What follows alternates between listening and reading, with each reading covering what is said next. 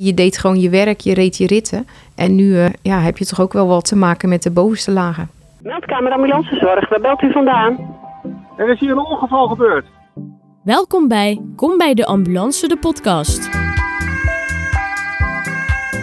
De podcast over werken op de ambulance. Nou ja, welkom bij Kom bij de Ambulance, de podcast. Ik ben vandaag in Zeeland samen met mijn collega Jori en de twee ROC's van de RAV Zeeland, Joke en Sabine. Willen jullie jezelf even voorstellen? Ja, tuurlijk. Mijn naam is Joke Govers. Ik ben van origine ambulancechauffeur. In Middelburg doe ik dat. Ben in 2008 op de auto gekomen als chauffeur. Uh, in 2019 ben ik LOC geweest, lokaal opleidingscoördinator. Dat is eigenlijk de functie onder de ROC uh, die je dan doet. Vorig jaar ging onze ROC uh, weg en ik had op dat moment een flinke polsbreuk, waardoor ik niet werkte. Maar zij ging redelijk snel, verliet ze ons en er was heel veel dingen die opgepakt moesten worden. En Sabine had op dat moment ook een situatie waarbij ze dus iets meer tijd had.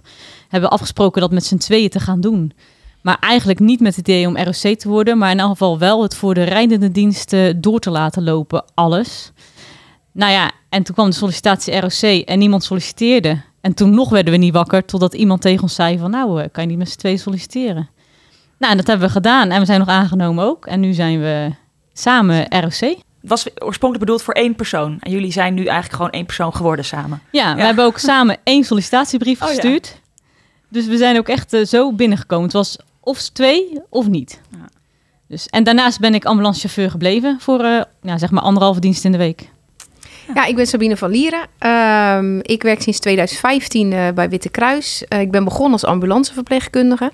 Dat heb ik gedaan tot 1 februari van dit jaar. Ik ben begin vorig jaar begonnen als LOC.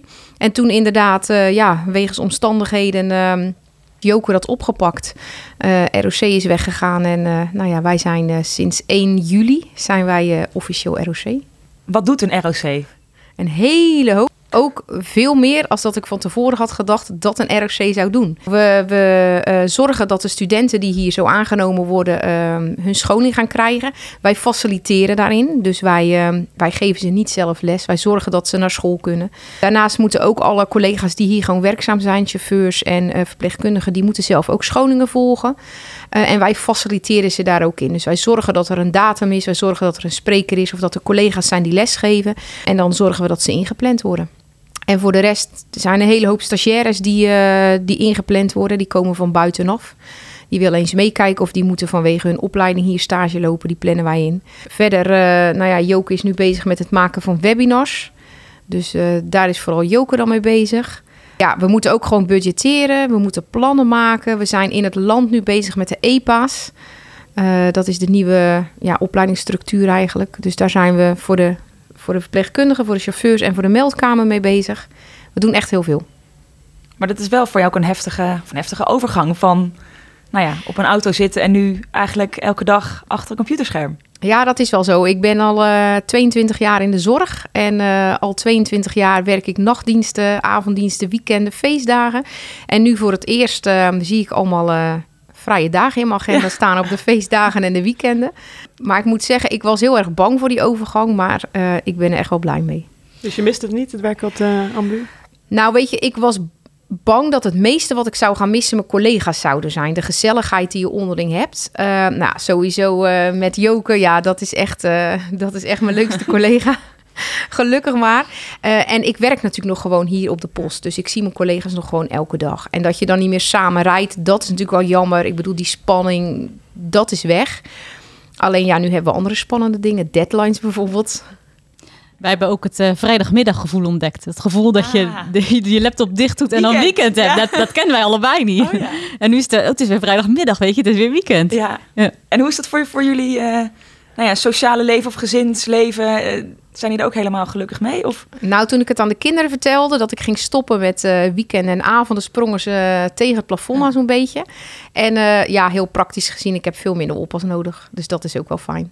Ja. ja. dat is het. Nou ja, ik doe natuurlijk nog wel diensten, maar niet zoveel meer. Dus dat scheelt heel veel. En het is gewoon heerlijk dat je wat meer weekenden uh, thuis bent. Aan de andere kant komt er wel een stukje bij dat je thuis veel meer bereikbaar bent, veel vaker gebeld wordt. Dus dat krijg je wel terug. Maar mijn man doet zelf plannen en die deed altijd op mijn rooster plannen. En nu hebben we daar net iets meer vrijheid in. En ja, het scheelt je wel kinderopvang. Ja, dat is wel zo. Maar het is wel waar, je staat echt wel ehm, vaak aan, zeg maar. Ook s'avonds dat je denkt van, oh ja, ik moet dit nog even regelen. Uh, ook in vakanties. Ja, op een of andere manier lijkt het alsof, uh, ja, alsof je gewoon altijd nodig bent. En uh, we willen mensen vaak niet te lang laten wachten op een antwoord, want dat is een beetje een uh, erfenisje uit het verleden, dat de communicatie niet goed verliep.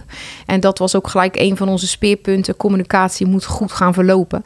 En ja, dat je daar dan voor dan aan moet staan, ja, dat is dan gewoon zo. Ja, Weet dat is je? anders. Hè? Bij de ambu, als je de deur dan dicht doet en je dienst zit erop, is het klaar. Ja, dat is nu echt niet zo. Maar het is, het is ook echt helemaal niet erg, want het is ook allemaal heel erg leuk. Maar je merkt bijvoorbeeld als je twee dagen uit huis bent en je bent dus bezig met nou bijvoorbeeld die EPA's of weet ik veel wat, dat je dan toch s'avonds in je hotelkamer nog even je laptop open doet. Want we krijgen gewoon best wel veel mails op een dag en we willen wel graag dat geregeld wordt. En, en hoe gaat dat? Want jullie uh, houden je dus bezig met nieuwe medewerkers uh, opleiden, of in ieder geval zorgen dat dat gebeurt. En ook het bekwaam houden van de bestaande collega's. Hoe bepalen jullie dan wat er nodig is? Uiteindelijk hebben wij geen eindverantwoording in wie welke scholing moet uh, volgen. Kijk, voor mensen die hier binnenkomen en de opleiding ingaan, is dat duidelijk. Want dat zijn gewoon uh, eigenlijk wet en regelgeving waar ze dan onder vallen. Alleen die mensen moeten naar school, die moeten een mentor, die moeten werkbegeleid, moet ingepland worden. Um, dus dat allemaal. En bij nascholing is het zo, bij ons op het moment dat je geslaagd bent, dan heb je vijf jaar tijd om 184 studiepunten te halen, accreditatiepunten. En die moet iedereen halen, dus dat moet ook gecontroleerd worden. Een groot deel kan je die halen door gewoon de verplichte scholingen te volgen. Maar daarbij ben je er niet. En het is wel de verantwoordelijkheid van de medewerker dat hij scholing kiest, wat, hij eigenlijk zelf, wat hij zelf denkt dat hij nodig heeft. Want bevoegdheid en bekwaamheid ah, is wel uh, de verantwoordelijkheid van de medewerker zelf en niet die van ons. Kijk, en op het moment, je hebt natuurlijk ook een situatie waarbij je een calamiteit hebt en dus bijvoorbeeld bijvoorbeeld één personeelslid geschoold moet worden op iets, nou, dat is dan niet zo ingewikkeld. Maar op het moment dat de inspectie komt met een scholing voor de hele groep, dan heeft dat natuurlijk wel organisatie. En dan is het van hoe ga je dat doen? En dat moet je dan in overleg met de medisch manager doen, want die is uiteindelijk eindverantwoordelijk uh, zeg maar medisch voor iedereen. Dus ja, dan heb je wel een uitdaging om het ook heel erg leuk en interessant te maken voor iedereen. Dat eigenlijk iedereen naar zo'n scholing gaat en dan terugkomt en denkt, oh ja, eigenlijk toch wel waardevol. Ja. Maar dat kan me voorstellen voor jullie fijn is dat jullie natuurlijk ook, nou jij Joke sowieso nog op de auto zit, maar dat je ook weet wat er speelt, wat er leeft, waar de behoefte ligt, wat mensen wel interessant vinden, wat ze misschien minder interessant vinden, dat je daar beter op kan inspelen. Precies, dat is wel zo. We weten, we weten waar we het over hebben, kennen alle termen en dat maakt het wel heel handig. En is het ook wel eens zo dat jullie iets horen of iets meekrijgen? Bijvoorbeeld laatst was er volgens mij een, uh, een scholing voor Veilig Thuis. Gaat dat dan zo dat je inderdaad hoort dat daar behoefte aan is en dat jullie daarop inspelen? Nou, die scholing van Veilig Thuis die was eigenlijk gepland in de week van de kindermishandeling. Dat was in samenwerking met onze aandachtsfunctionaris uh, Jolijn Stam. Die wou heel graag daar een avondscholing in geven. En wij hadden toen op dat moment het idee van sowieso avondscholingen in te gaan plannen. Want het voordeel aan avondscholingen is dat je een scholingje kan geven van drie uur. En je gaat nooit iemand uitplannen een hele dag voor drie uur. Dus dat leek ons wel een goede onderneming. Plus dat zo'n avondscholing kan je dan afsluiten met een bitterballetje en een wijntje. En zo kunnen mensen ook netwerken en eens even een ander praatje hebben. Dus toen kwam de week van de kindermishandeling en uh, Jolijn die kwam met het idee om die scholing te gaan geven. Ging over uh, Moonshausen by proxy. Alleen ja, corona die gooide roet in het eten. Maar uiteindelijk, we waren al zo ver en het, was, het klonk allemaal zo leuk dat we toch hebben besloten om dan later alsnog uh, te geven. En toen hebben we hem ook twee avonden gegeven vanwege zoveel animo. Dus echt een leuke opsteker, ook voor onszelf. Ja. ja. Ja. en het leuke was inderdaad, we, we gaven hem op een dinsdag en een donderdag. Nou, we hadden voor dinsdag en donderdag best wel wat aanmeldingen. Mensen die live kwamen, maar we hebben hem ook online uh, gedaan. En toen de woensdag, toen kregen we ineens heel veel aanmeldingen. Want mensen hadden gepraat en dan uh, wel op een positieve manier. Dus voor de donderdag hadden we een stuk uh, meer aanmeldingen. Oh ja. Dat was erg leuk. Maar want heb je dus ook wel vrijheid in. Dus als jullie bedenken van, nou, wij denken dat dit goed gaat werken dan hebben jullie ook de vrijheid om dat te gaan doen en te gaan ja, proberen. Als budgetair past. Ja, maar daar zijn jullie ook zelf verantwoordelijk voor. Ja, voor, dat ja. is wel zo. Dat is wel zo. Maar er komen toch altijd wel wat uh, onverwachte dingen om de hoek kijken die je extra geld kost. Nou, weet je, dit is gewoon ook wel heel waardevol. Jullie zijn alleen verantwoordelijk voor Zeeland, maar Witkruis heeft andere regio's. Die kunnen wel altijd aansluiten bij dit soort webinars, toch? Dat klopt inderdaad. In principe kan dat. Ja, als we dat via communicatie uh, Witte Kruis breed gaan brengen, dan kunnen ze daarbij aansluiten. Ja.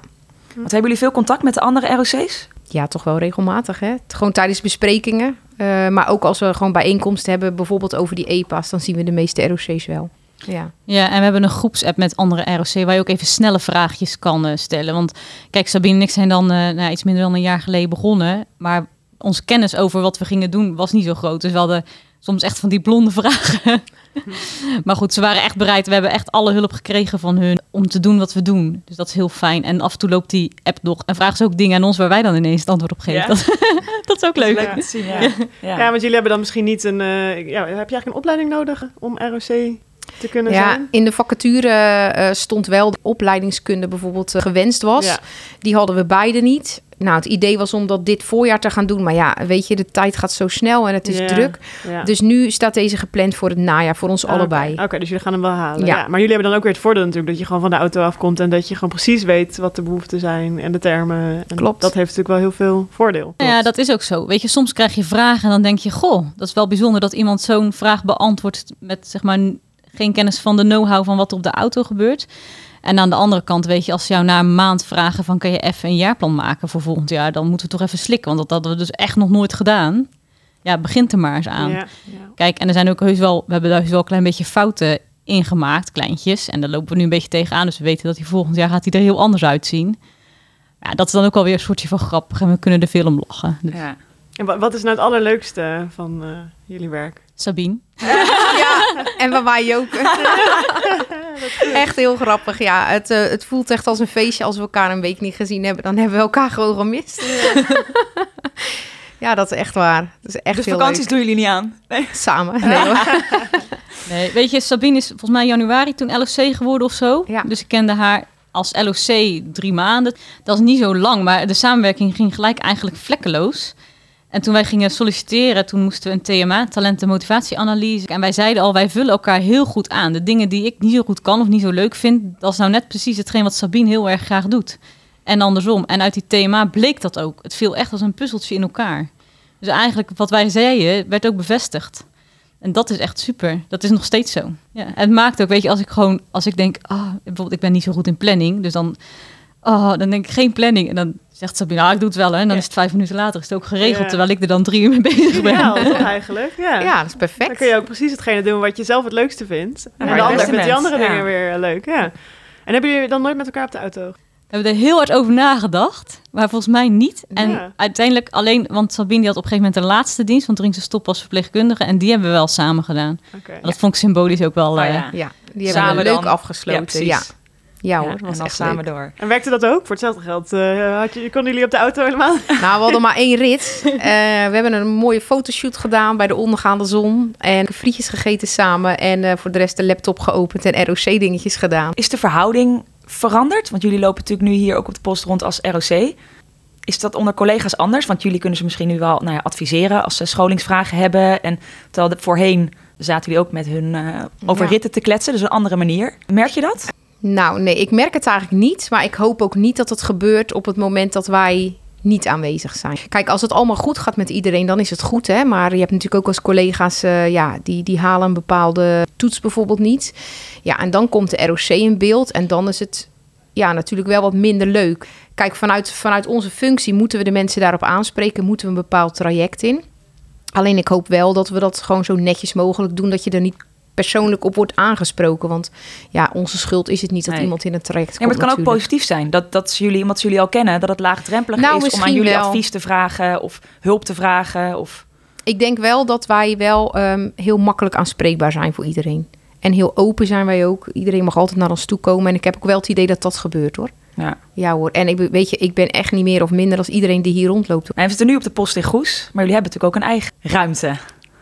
Ja, we hebben de Boost Tower. Boost staat voor Bureau Opleiden Oefenen Zeeland. Die zit een paar honderd meter van deze post vandaan. En september zijn we die gaan huren. Daar doen we eigenlijk de meeste scholingen. Normaal gebeurde dat hier op de post of in Middelburg... of we gingen naar een extern bedrijf om dat daar te doen. Maar dat liep nogal flink in de kosten... en elke keer moet je eh, sjouwen met alle spullen. Dus uiteindelijk hebben we heel snel voor elkaar gekregen... dat we een eigen pand hadden. We zijn daar ook super blij mee. Alleen we merken wel dat onze ambities niet meer in het pand passen. Eh, net als nu ook, nu is er een scholing daar. Alleen eh, de helft van het groepje zit toch hier op Postgoes, omdat het allemaal niet past. Dus we hebben de huur opgezegd. En eh, per half september moeten we eruit. En we zijn nu op zoek naar iets anders. iets groters. Iets wat, ja, aan onze wensen voldoet. En waar we bijvoorbeeld ook de assessments kunnen doen. Want daar zitten wel wat regels aan verbonden. En eh, nou ja, in de Boost Tower kon dat niet plaatsvinden. Dan moest je alsnog extern. Hm. Dus nu Hm. gaan we met een, met een groepje instructeurs gaan we op zoek naar iets anders. Nou, misschien komt er een gouden tip eh, uit de podcast. Je weet het niet. Nou, wie weet. Ja. Zou leuk zijn. Hey, en, en je hebt het over ambities. Hoe, eh, hoe ziet dat eruit? Wat zijn jullie plannen? Ze kijken elkaar aan. Ja, nou, wat zijn onze plannen? Ja, we willen dus Boes eh, willen we op de kaart zetten. En ook toch wel graag gewoon in Zeeland. We zouden het echt wel leuk vinden om samenwerking aan te gaan met het ziekenhuis. eh, ja, en met, met andere partijen eh, binnen de zorg. Nu toevallig vanmiddag gaan we samen naar een bijeenkomst... waar dus heel veel eh, mensen van de zorg uit Zeeland komen. Een of ander platform. Dus we gaan eens kijken wat we daar kunnen gaan betekenen. Ja, nou ja, kijk, het is natuurlijk zoeken naar ketenpartners. Wat kan je voor elkaar doen? Want we, ja, Zeeland heeft best wel te maken met vergrijzing en personeelstekort. En ze gaan toch kijken van, kunnen we dan iets mee in opleidingen? Dat is ook wel lastig, want wij doen het best wel specifiek opleiden. Maar het is toch wel de kunst om dan elkaar te vinden en iets moois voor elkaar te maken. Ja, samenwerking vinden jullie heel belangrijk. Ja. Ja, zeker. En niet alleen met zorgketens, maar ook eh, bijvoorbeeld brandweer, KNRM. Want dat zijn de mensen waarmee je in de sloot staat op het moment dat het fout gaat.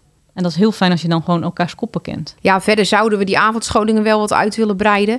Maar goed, als ik nu zie hoe vol het rooster staat voor dit jaar met scholingen, ja, weet je, je moet je ook wel afvragen of je niet eh, of er te veel overkill is, zeg maar. Want je, het is wel leuk als je een avondscholing organiseert dat er mensen komen en niet dat je daar voor eh, vier, vijf mensen eh, zit. Ja, en verder denk ik dat we, hè, we gaan natuurlijk heel veel studenten leiden we natuurlijk op. En het is wel fijn dat we binnen ons eigen groepje meer mentoren, werkbegeleiders krijgen om dat hier binnen te structureren. Eh, en die mentoren die kunnen ook weer uitgroeien tot instructeurs en dan kunnen ze hier binnen gewoon les gaan geven. En dat is ook fijn, dan hoef je niet zoveel extern te vragen. Dus ja, daar zijn we ook wel mee bezig om eh, mensen te werven gewoon binnen de dienst. Ja, want die werkbegeleiders, dat zijn dus collega's die dan naast hun werk op de ambu iets extra's kunnen doen. Een neventaak, hè? Correct. Ja, meestal een jaar na diplomeren kunnen ze beginnen aan eh, het werkbegeleiderschap. Vaak begint het met eh, een keer een stagiaire meenemen die bijvoorbeeld voor twee, drie dagen hier komt. Hè, dat ze die eens meenemen. Want eh, die stagiaires die mogen niks zelf doen, die mogen alleen maar meekijken. Dus dan gaan ze dat traject in. Nou goed, en op het moment dat wij natuurlijk eigen studenten hebben die eh, voor eh, verpleegkundige of chauffeur eh, opgeleid worden, ja, dan moet je natuurlijk dingen gaan loslaten. Dan moet je kijken of die persoon eraan toe is. Eh, een stukje vertrouwen geven. En ehm, dat gebeurt meestal na één à anderhalf jaar. En dan, als ze hè, een tijdje werkbegeleider zijn, dan kunnen ze mentor worden. Of praktijkopleider gaat dat binnenkort heten. En dan bewaak je eigenlijk de hele procedure van die student. Dus je kijkt opdrachten van school na. Maar je bekijkt ook het rooster samen, de, stage, de, hè, de externe stages. Dus daar komt een stukje meer verantwoording eh, bij kijken.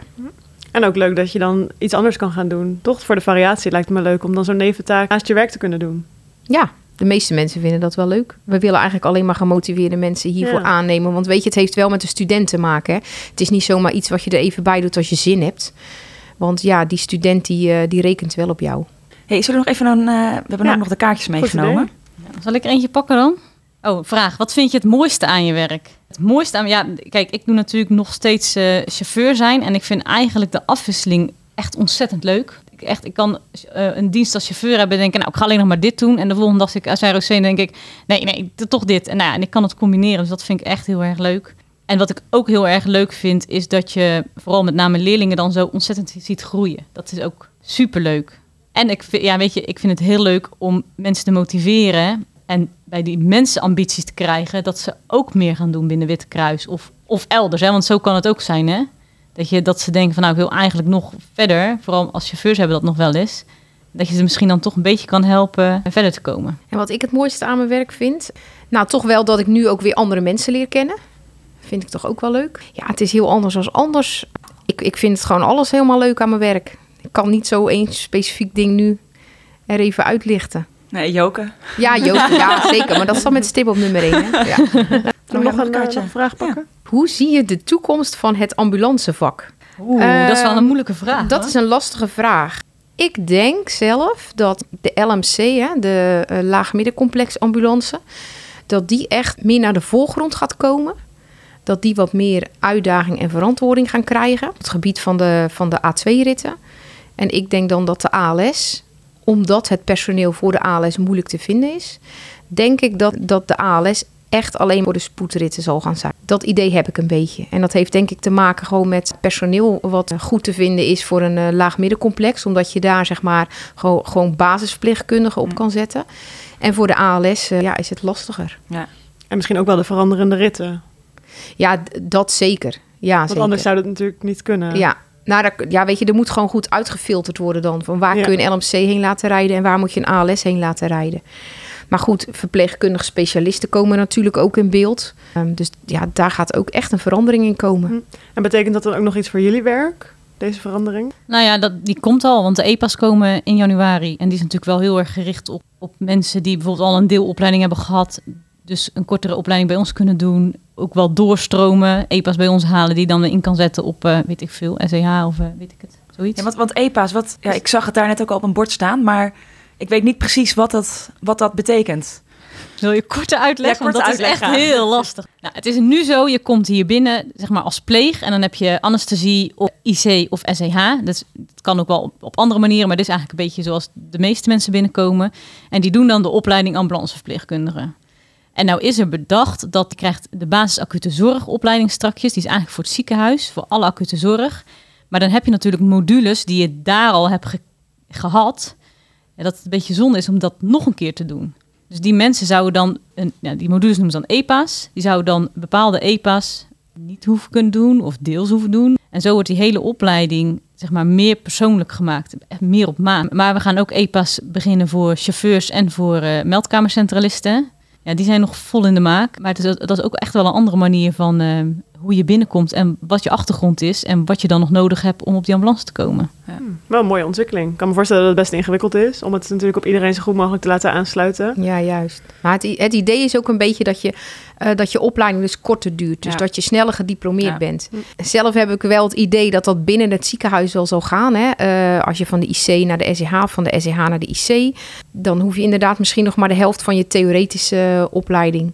En dan eh, ben je gediplomeerd voor de volgende afdeling. Alleen als je richting de ambulance komt, dan ehm, heb je nog 925 verplichte uren om in de praktijk te werken, wil je gediplomeerd zijn. En daar blijven ze aan vasthouden, ook met de komst van de EPA's. Dus ja, het zal niet een kortere opleiding worden, zeg maar nu negen maanden en straks zeven maanden. Dat gebeurt niet zo. Je hoeft misschien een keer een lesdag minder, maar ehm, daar houdt het ook bij op. Ja. En de toekomst qua, qua opleiden? Ik zit te denken, virtual reality, robots, of zie je daar nog... eh, Het gaat in elk geval wel drukker worden, vermoed ik. Want ik denk de afgelopen jaren hadden we bijvoorbeeld al die accreditatiepunten die behaald moesten worden. Maar ik denk dat meer dan de helft is, is nooit actief mee bezig geweest. En wij hebben dat samen met de nieuwe MMA hebben we dat wel wat leven ingeblazen. Dus men is echt daarvan op de hoogte.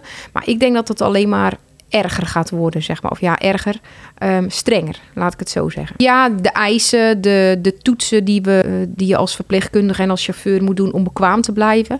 En nu moet je bijvoorbeeld één keer in de vijf jaar moet je een assessment doen. We hebben ons al laten vertellen dat dat twee keer in de vijf jaar gaat worden. Dus zo komen er elke keer wel toetsmomenten bij. Je hebt natuurlijk toch te maken met leven en dood. Met eh, elke keer nieuwe inzichten die komen in de medische wereld. En je moet gewoon bijblijven. Straks zijn jullie misschien al met z'n vieren, als ik het zo hoor. eh. Nou, dat Nou. weet ik nog niet.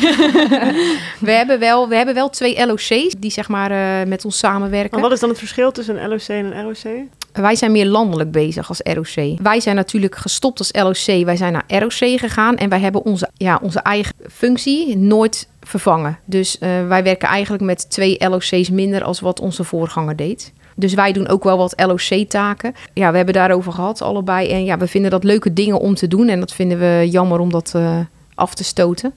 Dus vooralsnog blijven we met onze twee LOC's werken. Maar we hebben wel een hele hoop collega's die ons hier helpen. We hebben bijvoorbeeld eh, twee collega's die zetten zich heel erg in voor de, voor de webinarstudio. We hebben een collega die eh, zet zich in voor grote oefeningen. Een andere collega zet zich in voor de kleine brandweeroefeningen. En zo hebben we eigenlijk best wel wat collega's die, eh, ja, die ons assisteren, zeg maar. En ze vinden het allemaal heel leuk om te doen en dat is het belangrijkste. Zullen we nog een kaartje pakken? Welke verhalen uit je werk zijn je het meest bijgebleven? Dit zijn vragen die je vooral een beetje krijgt als ambulancechauffeur. Want dat willen mensen heel graag horen. En ik vind altijd als chauffeur zijn het vaak niet de verhalen van met bloed tegen de muur en ledematen die om je oren vliegen, maar juist dat dingetje op gevoel. En vaak heeft ook te maken met bijvoorbeeld die thuissituatie op dat moment. Weet je, heb jij in je familie iemand die heel erg ziek is en je komt met een patiënt met diezelfde ziekte, ja, dan heeft dat gewoon impact. Maar goed, ik weet, ik was net begonnen als eh, chauffeur en ik had een van mijn eerste reanimaties eh, los. En dat was een, eh, een meneer die was nou ja, overleden. Die hebben we nog wel proberen te reanimeren, maar dat was helaas niet gelukt. En die vrouw die stond echt redelijk reddeloos, heel goed bewust wat er is gebeurd. Want dat is niet altijd zo dat mensen gelijk doorhebben wat er nou eigenlijk gebeurt. Maar zij was heel goed bewust wat er eigenlijk is gebeurd. En dat was ehm, een erf. En ik zie zo een ventje dat erf op fietsen. Nou, ik denk dat mannetje ja, en die 8, 9 was, zeg maar.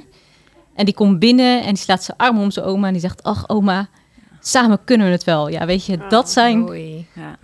dat zijn best wel... En dat is ook, maar dat is ook gelijk wat je vak zo mooi maakt. Want dan zie je mensen in hun puurste vorm. Nou,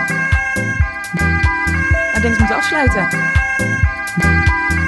Je leert je collega's en de organisatie eigenlijk als ROC nog veel beter kennen. Ja, zeker. In het afgelopen jaar al meer, nou ja, Dan al die zin geleerd dan al die jaren dat je op de auto zat. Dat klopt. Maar dat komt natuurlijk omdat je ook weer, weer meer te maken hebt met alle andere ja, lagen zeg maar, binnen deze organisatie. Ja. Daarvoor heb je daar, weet je, je deed gewoon je werk, je reed je ritten. En nu eh, ja, heb je toch ook wel wat te maken met de bovenste laag. Dank jullie wel voor jullie verhaal. Nou, ook dank aan de luisteraars en eh, tot een volgende keer. Ja, graag gedaan. Bedankt voor het luisteren naar Kom bij de Ambulance, de podcast. Ben je enthousiast? Of wil je meer weten over het ambulancevak?